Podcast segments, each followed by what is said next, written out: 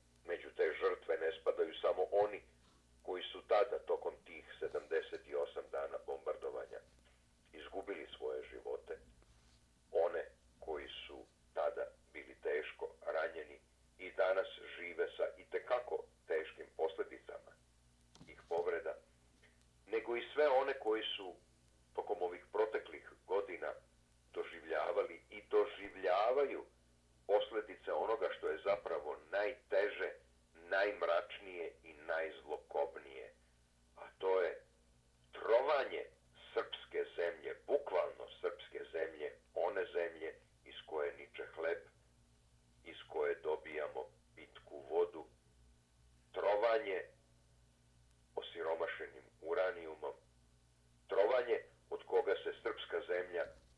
i svi ostali prostori koji su bombardovani neće osloboditi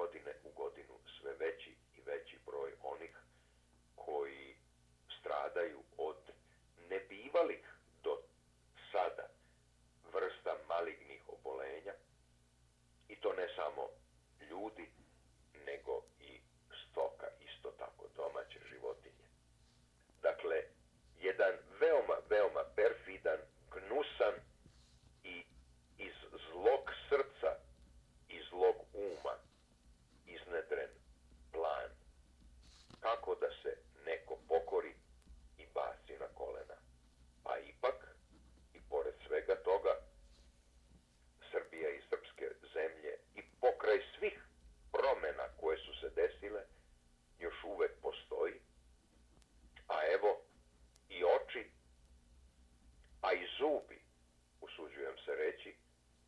naših sada, prikriveno umivenih, pod znacima navoda, prijatelja, a onih koji nam nikada iskreno dobro želili nisu i dalje su okrenuti prema Srbiji, znajući da Srbija u kriznim momentima, a Evropa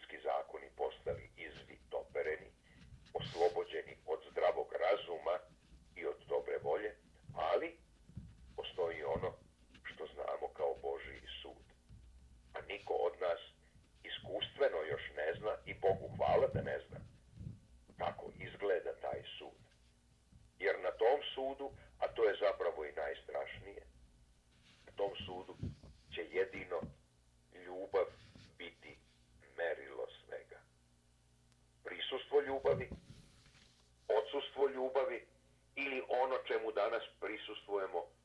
okrenutost ljubavi u nešto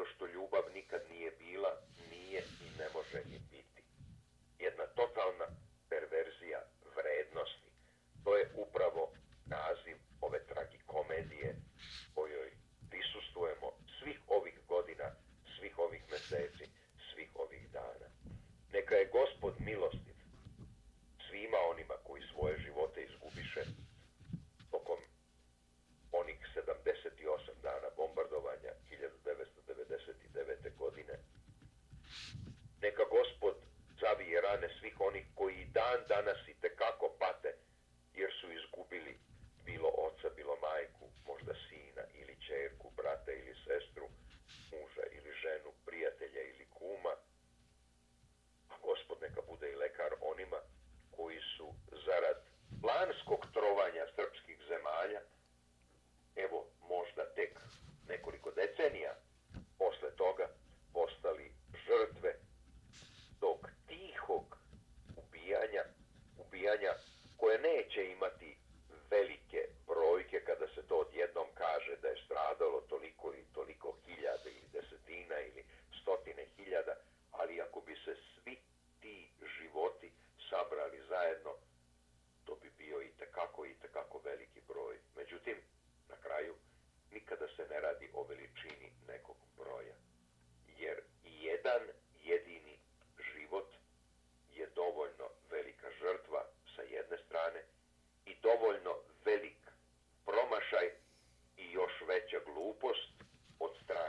Friday